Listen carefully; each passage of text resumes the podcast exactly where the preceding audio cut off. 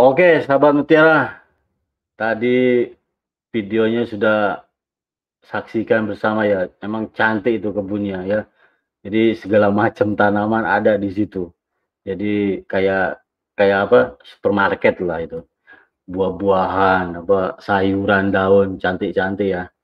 Oke, mungkin ada kita sambil nunggu ada pertanyaan dari sahabat Mutiara yang lagi mantengin di Facebook atau di YouTube. Oke, ini dari Facebook Hadi Hardiana. Izin bertanya untuk bercocok tanam butternut di pekarangan dengan luas 1000 meter persegi. Bagaimana prospek pemasarannya dan sekalian untuk komposisi pupuk dari pupuk produk Merauke apa saja dan rekomendasi untuk pertumbuhan dan produksi. Oke Bu, ini jadi butternut ini Bu. Ibu kan punya ya. Ini cara budidayanya Bu. Jarak tanamnya berapa yang paling ideal lah. Oke, monggo. Kalau butternut saya kan uh, itu masih hobi-hobi aja Pak. Hobi. Nanamnya itu mungkin Pak Ermain lebih kompeten menjawabnya kalau butternut. Ibu ada berapa berapa tanaman di kebun itu? Butternut itu sekarang lagi apa? Udah dipanen kemarin ya. Hmm. Itu cuma beberapa pokok aja. Kita pakai uh, itu juga pakai sistem yang paling sederhana pakai hmm, rakit apung numpang oh. di tandonnya melon gitu. Oh gitu nah, gitu gitu. Dulu kita tanam vertigasi juga hmm, hmm. gitu. Kalau di open field saya belum pernah sih kalau uh, Memang cocoknya untuk ini di sistem hidroponik Bu ya? Butternut ya? Menurut saya bagus juga di hidroponik ya. Oke. Okay. Berarti jarak tanamnya ya sama itu sekitar 20 cm gitu ya? Atau berapa? 30 40 cm. Oh, karena karena lebar gitu ya. Oke. Okay. Oke, jadi sahabat Mutiara tadi Pak uh, Mas Hadi ya memang cerita dari uh, Bu Harti ini memang untuk untuk hidroponik butternut ini lebih lebih menjanjikan ya. Oke. Jadi jarak tanamnya sekitar 30 sekitar 45 4 bulan gitu ya. Oke. Atau vertigasi mungkin ya vertigasi. Untuk di tanah memang kata Bu Hati agak agak kerepotan. Oke, sahabat mutiara yang lain. Ini dari Andi Ahong. Ibu Harti gimana kiat sukses dan cara mempertahankannya terus Ibu Harti. Nah, ini, ini kayaknya kawannya ini. Monggo Bu iya, direspon. Andi Ahong ini Bu. Uh, apa itu? Kiat sukses Bu, hijau oh, spam. Gitu. Nah kiat suksesnya ya konsisten sih tentunya Pak. Ya. Jangan jangan males-malesan gitu. Ya. Nah, okay. terus terus berinovasi terus hmm. misalkan karena ilmu itu tidak terbatas ya Pak okay. ya. Tidak terbatas. Jadi kita cari ilmu yang banyak, menanam yang variat variat uh, apa ya keberagamannya okay. lebih banyak. Nah, itu lama-lama uh, banyak pengalaman Pak dari okay. sini. Oh, jalani aja seperti Jadi Pak Andi ya, yang yang kata kunci adalah konsisten ya. Terus eh, belajar, belajar dan belajar karena kata Bu Arti ilmu itu nggak ada batasnya. Jadi terus belajar. Oke, eh, kita lihat masih ada pertanyaan yang lain. Oh ini dari Karin Night. Ini mau tanya tanaman apa yang ibu pertama kali tanam dan berapa modal pertamanya. Nah, ini Bu, ini sebenarnya mau saya tanyakan lalu udah ada yang nanya ini Bu. Jadi pertama Ibu jatuh cinta ke tanaman apa nih? Oke. Untuk pertama kali mungkin di hidroponik ya Pak. Ya, ya. Untuk hidroponik Be, uh, awalnya saya tanam di box styrofoam bekas Oke. Okay. Gitu, yang bekas anggur. Oke, oke, oke. Oke, ya nah, betul. Di situ ya modalnya mungkin itu enggak di bawah lima ribu ya kalau box itu. Iya. Terus pakai Berarti box yang bekas itu, Bu ya? Box bekas yang Oke. Okay. itu Oke. Okay. Nah, terus pakai ada net pot, ada flanel, ada aerator juga. Nah, okay. itu awal-awal saya ber, berhidroponik. Modalnya mungkin uh, mungkin sekitar mungkin di bawah lima puluh ribu itu, Pak. Oke, okay. itu tanaman apa yang pertama Ibu tanam tuh? Yang pertama sayur. Sayur. Kangkung, bayam oh. gitu. Sudah sprout kecil ini aja udah senang banget okay, ya, Pak. Oke, oke, oke. Jadi begitu ya, sahabat mutiara tadi yang nanya, memang awalnya si ibu ini pakai apa eh, bekas-bekasan yang ada yaitu wadah anggur yang styrofoam itu kayak kayak ice box itu Bu ya. betul. Jadi untuk untuk apa untuk menampung eh, nutrisinya. Jadi yang pertama itu adalah sayuran daun kayak kangkung gitu Dulu ya. saya rajin juga sih Pak mulung di itu di apa di toko buah. Hah. Nah itu bisa bisa dipakai. Ini memang ibu satu ini udah nanam banyak jadi pemulung juga ini. Tapi eh, untuk apa mengurangi sampah juga ya Bu ya. Betul, memanfaatkan sampah ya, Oke. Pak. Oke, sahabat mutiara. Jadi seperti itu ya. Jadi tanaman yang pertama Ibu Harti tanam adalah sayuran daun kayak kangkung, bayam. Ya kurang lebih tadi ada ya modalnya di bawah 50 ribu katanya kan luar biasa. Jadi sekarang sudah udah ratusan tanaman yang ditanam beliau ini. Oke, mungkin ada kita lihat Bu ada pertanyaan yang lain. Ini dari Asep Pembibitan. Mau nanya Bu, sudah pernah nanam anggur di hidroponik belum? Salam dari Purwokerto. Nah Ibu, ini hidrop apa anggur kelewat enggak nih Bu? Anggur saya belum tanam hidroponik Pak. Oke, tapi di Kemarin- belajar graftingnya Oke, juga. oke. Jadi batang bawah tuh pakai apa? Pakai apa namanya? Isabella. Oke, ya. Isabella, Nah, saya lagi iya. belajar grafting. Nanti mudah-mudahan ya saya coba ya. Oke. Jadi Kang Asep tunggu saja ya episode berikutnya. Ibu Hati akan cerita tentang anggur eh, secara vertigasi atau hidroponik. Jadi sekarang eh, Ibu baru baru belajar untuk grafting ya. Oke. Itu dari Kang Asep, mungkin dari eh, yang lain. Oke nih Pak Haji Isro Dudin dari YouTube. Selamat sore, Bu. Izin bertanya, mungkin ada tip dan trik untuk memasarkan hasil panen dari hidroponik. Rule-nya harus bagaimana? Terima kasih. Mohon pencerahannya. Nah, ini hasil panennya, Ibu gimana nih cara penjualan iya pemasarannya? Eh, di awal-awal dulu saya Hmm. itu saya lakukan dengan ini dulu, berbagi dulu. Oke. berbagi dulu ke tetangga atau teman saudara gitu Oke. ya berbagi berbagi terus lama-lama mereka nggak enak tuh pak kok dibagi terus gitu nah itu pun yang memotiv motivasi saya untuk membuat greenhouse itu itu pak Oke. karena permintaan lumayan banyak Oke. jadi intinya tipsnya adalah eh, kita sharing dulu berbagi dulu memperkenalkan produk kita dulu atau kita masak ya menggunakan produk-produk kita Hmm. sayur atau apa. Nah, itu biasanya itu marketing yang bagus juga seperti itu. Oke, oke. Jadi Kang Isro seperti itu ya. Memang ini si ibu ini pintar. Kasih terus, kasih terus. Lama-lama kan jadi ini waduh nggak enak juga kan gitu. jadi dikasih terus lama-lama ya pesen ya. Ini trik marketing yang bagus dari Ibu Arti. Jadi eh, jual dijual segar juga tapi juga dijual eh, masakan atau eh, kulinernya oleh olahannya. Oke, Eh, ini dari Panji Pitra Nugraha, Eh, Bu, gimana kalau saya punya tanaman lettuce atau yang lainnya, bisakah ikut menjual ke perusahaan Ibu? Nih, monggo Bu, ada syaratnya apa? Jadi Ibu terima dari hasil panen orang nggak nih? Kebetulan belum, Pak. Oh, belum. Kebetulan belum. Hmm, Tapi eh, misalkan ya mungkin entah ya nanti ke depannya Hmm. bagaimana, tapi selama ini sih saya hanya memakai produk saya sendiri. Jadi Oke, eh, untuk pengolahan salad, salad box atau Oke, hanya oke. bukan eh, tanaman sendiri, Oke. sendiri. jadi masih masih dari produk kebun sendiri ya Bu. Heeh. Nah ini ngomong-ngomong Mudah-mudahan ke depannya ya bisa. ngomong-ngomong satu box ini kira-kira berapa gram nih Bu dijualnya Satu itu? box itu saya yang kemasan satu liter ya Pak. Ya. Yang kemasan satu liter, yang kotak itu, itu saya jual 35 sampai 40 ribu nah, per Waduh, kotak. Jadi Wah, memang kita mantap emang. mau menjual sayurnya kan sebetulnya Pak. oke Nah, jadi oke komposisinya pun lebih banyak oke sayurnya.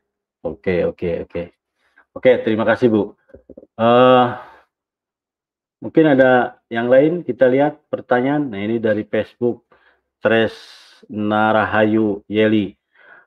pas awal mulai usahanya bagaimana cara ngejualnya? Oh, ini sebenarnya tadi udah ada yang tanya tapi jelaskan sekali lagi Bu biar biar puas ini.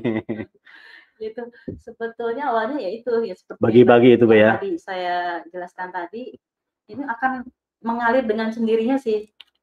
Jadi uh, saya juga apa bingung juga ya. Hmm. Awalnya seperti itu. Kemudian, mengalir seperti air aja gitu ya. Nah iya setelah itu banyak permintaan jadi dari mulut ke mulut dari medsos hmm. sih banyak dari medsos nah sampai sekarang gitu jadi awalnya ya jangan malu juga untuk menawarkan gitu kalau produk kita bagus yeah. kita harus percaya diri menawarkannya gitu oke okay. jadi memang dari awal bu branding untuk jual sayuran segar dan olahannya itu memang namanya hijau spam ya Iya dari awal. Oke luar biasa. Ini sahabat sahabat Mutiara. Jadi brandingnya memang harus dari awal ya harus harus apa ya maksudnya serius lah ya konsisten. Jadi branding ini penting. Jadi ya harus harus ada nama ya hijau spam.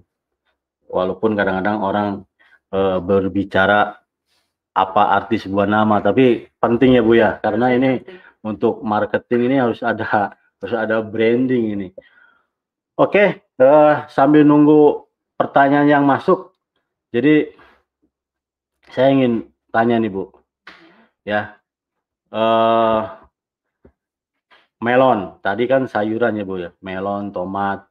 Melon ini Ibu kira-kira jualnya orang datang atau pesen lewat online atau gimana nih untuk melon atau buah-buahan yang lain? Nah, Pak main kalau melon kan saya baru tiga kali tanam. Oke, okay, baru mulai bu ya. Dan itu waktu itu kan uh, apa trial dulu. Nah, saya selalu hmm. begitu. Coba dulu, coba, coba, coba, coba. Hmm. Nah, improvement ya untuk ke depannya okay. seperti apa. Okay. Nah, kemarin tuh sebetulnya kita nggak mau jual dulu, jadi baru bagi-bagi teman. Nah, saya biasanya bagi okay. bagi saudara. Nah, terus yang beli tetap uh, kepengen misalnya maksa beli hmm. gitu ya. Hmm. Ya saya jual, saya jual, saya jual. Uh, Bapak mau uh, itunya atau gimana? Ya, jadi saya jual lima puluh ribu per kilo. Oh. Uh, tapi saya ngomong juga ke karena ini saya baru iya, iya. awal-awal menanam. Iya, iya. Saya ngomong juga ke pelanggan. Jadi apa adanya aja. Oke. Okay. Nah, nggak tahu ya melonnya manis atau enggak ya cobain. Cobain dulu gitu. Yang penting jujur bu ya. Nah, setelah ini lebih plong gitu loh pak iya betul ya. betul. Nah, nah kemudian nanti pesan lagi ya kalau pak. Nah, berarti kalau sudah bicara nanti pesen lagi terus kata pembelinya wah bu enak itu berarti udah lega bu ya. Oke bu ya dari 2017 ya bu ya sekitar sekitar segitu ya tentu ya kalau sekarang kan orang sudah melihat manisnya Bu ya. Nah ini saya pengen pengen dengar cerita Ibu uh, dukanya apa nih dari mulai awal Ibu apa membranding hijau spame? Dukanya ya, mungkin saya dari segi penanamannya dulu ya Pak. Oke. Okay. Nah itu budidaya ya Bu ya. Budidayanya, jadi sedihnya misalkan gagal panen ya jadi itu mungkin semua petani ya pernah mengalami ya hmm. nah itu sedih juga tapi saya sih nggak terlalu sedih banget maksudnya okay. pasti ada sebabnya kan oke okay. nah makanya mesti harus lebih baik nah itu gagal panen pasti wah ini nggak bisa jualan gitu kan segala macam nah itu pak dukanya terus dukanya ya kadang ya bukan duka sih ya pak uh, kadang waktu kita kadang okay, terbatas okay. gitu. Nah, seperti itu makanya hmm. uh, lari lagi ke sumber daya manusia juga SDM yang kita okay, hire. Nah, itu okay, okay. kadang kan siri berganti tuh, Pak. Nah, itu susah cari orang yang uh, yang kompeten, Bu ya. Nah, kadang itu masalah hmm. utama kadang Oke. Okay. Seperti itu. Oke. Okay. Uh, eh, gini. Saya sampai lupa ini kan. Gini Bu. Uh, Oke oke kita lihat ada pertanyaan nih Bu. Nanti pertanyaan simpan dulu ya Bu. Oke ini dari Ika Juartika. Bu kalau semangka atau melon bagusnya ditanam hidroponik atau tabula pot untuk komposisi pupuknya bagaimana? Nah ini sistem budidaya eh, semangka atau melon yang ibu lakukan seperti apa bu? Monggo. Oke, ini katanya bagusnya ditanam hidroponik atau tabula pot ya. Hmm. Nah itu hidroponik yang uh, untuk nanam melon kan vertigasi pak. Oke. Okay. Nah, vertigasi. Jadi yang maksud ibu ini mungkin tabula pot itu yang konvensional ya. Iya, iya. Nah, kalau menurut saya lebih apa? Lebih bagus yang secara hidroponik ya lebih vertigasi bu ya jadi lebih, terukur ya lebih terukur lebih hasilnya pun lebih relatif lebih baik sih oke okay. uh, untuk komposisi pupuknya ya mungkin tergantung ini sekarang banyak dijual juga sih pak ya okay. yang sudah didapat itu ibu bisa hmm. bisa cari ya oke okay. uh. nah tadi pertanyaan tadi saya yang tertunda bu ibu uh, dukanya atau masalah ya masalah-masalah yang sering muncul itu dari segi budidayanya atau pemasarannya Bu yang paling sering Ibu eh, apa Ibu dapati ini? Kalau pemasaran sih kayaknya enggak ya Pak. Oke. Okay. Uh, belum belum bermasalah hmm. kalau okay. pemasaran. Oke. Okay. Yang kadang bermasalah itu ya untuk internalnya aja, yaitu SDM tadi Pak. SDM yang uh, ngurus kebunnya itu ya. Uh, kalau gagal panen segala macam ya itu biasa sih nggak nggak terlalu ini ya kalau untuk hidroponik sih nggak terlalu okay. sering ya pak ya. Oke. Okay. Jadi memang sahabat mutiara eh, jangan takut ya nanti pemasarannya seperti apa oh. kata Ibu Hati. Jadi pertama memang bagikan bagikan nanti lama-lama orang ya sungkan juga ya akhirnya ya pesen.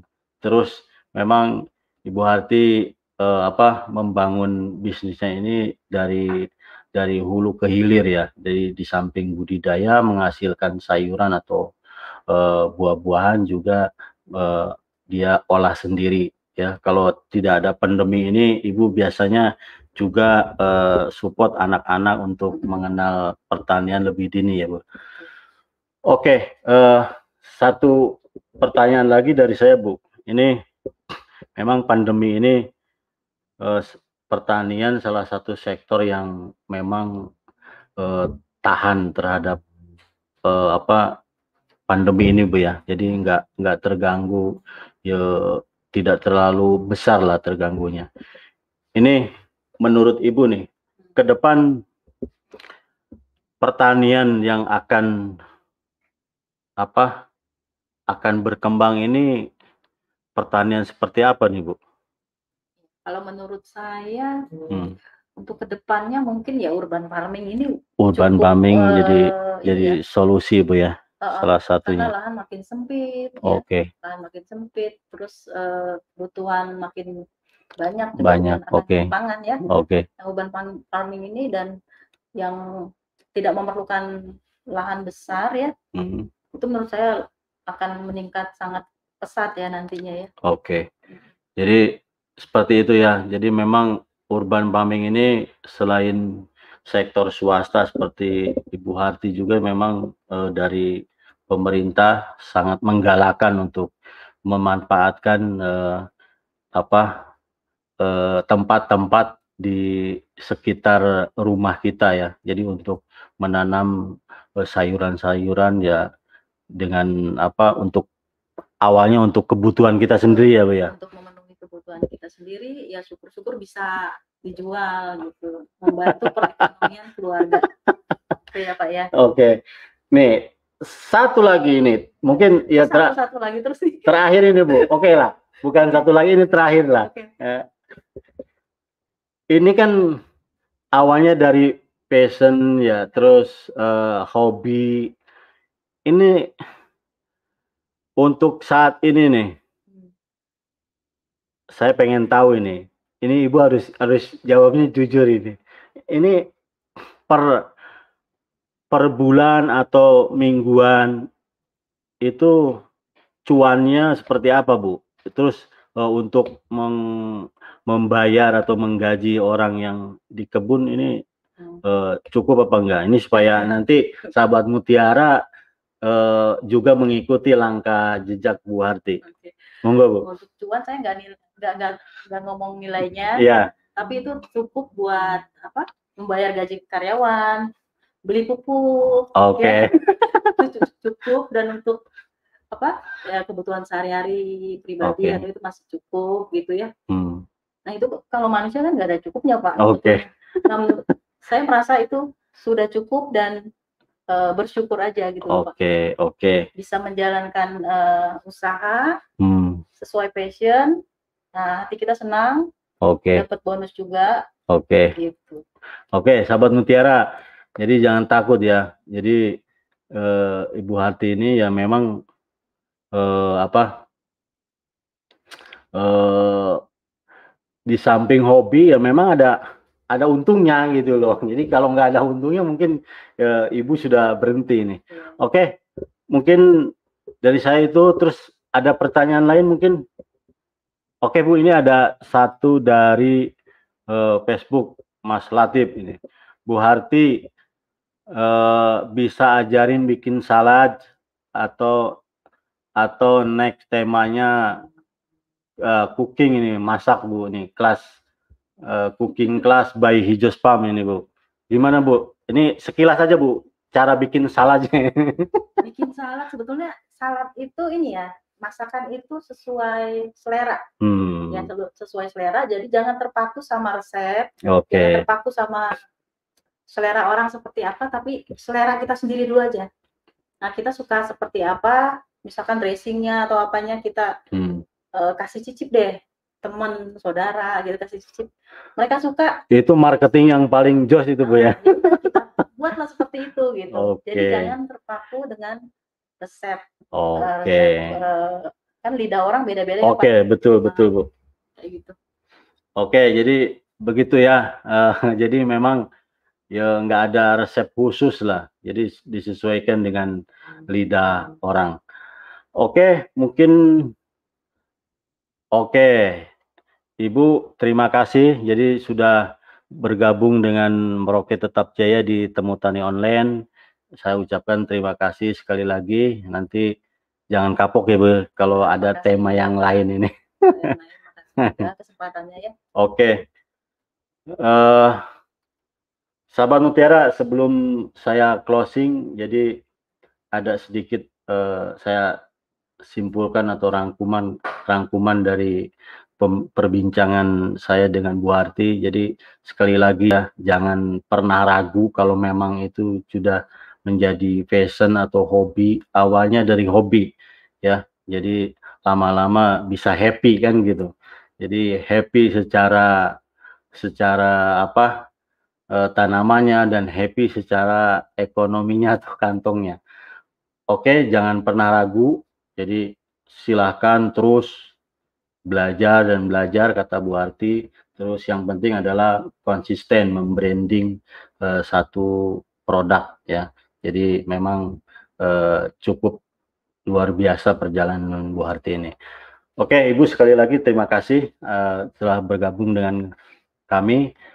Sahabat Mutiara, jika Temu Tani Online episode dirasa bermanfaat kali ini, silakan bagikan video ini sebanyak-banyaknya di media sosial Anda eh, supaya menjadi motivasi kami ke depannya untuk memproduksi lebih banyak lagi video-video edukasi lainnya.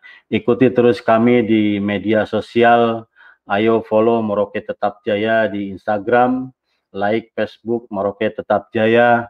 Eh, bagi Anda yang nonton di YouTube, jangan lupa like video ini, subscribe channel eh, NPK Mutiara TV, dan pentung tanda loncengnya agar sahabat Mutiara tidak ketinggalan video-video edukasi kami lainnya.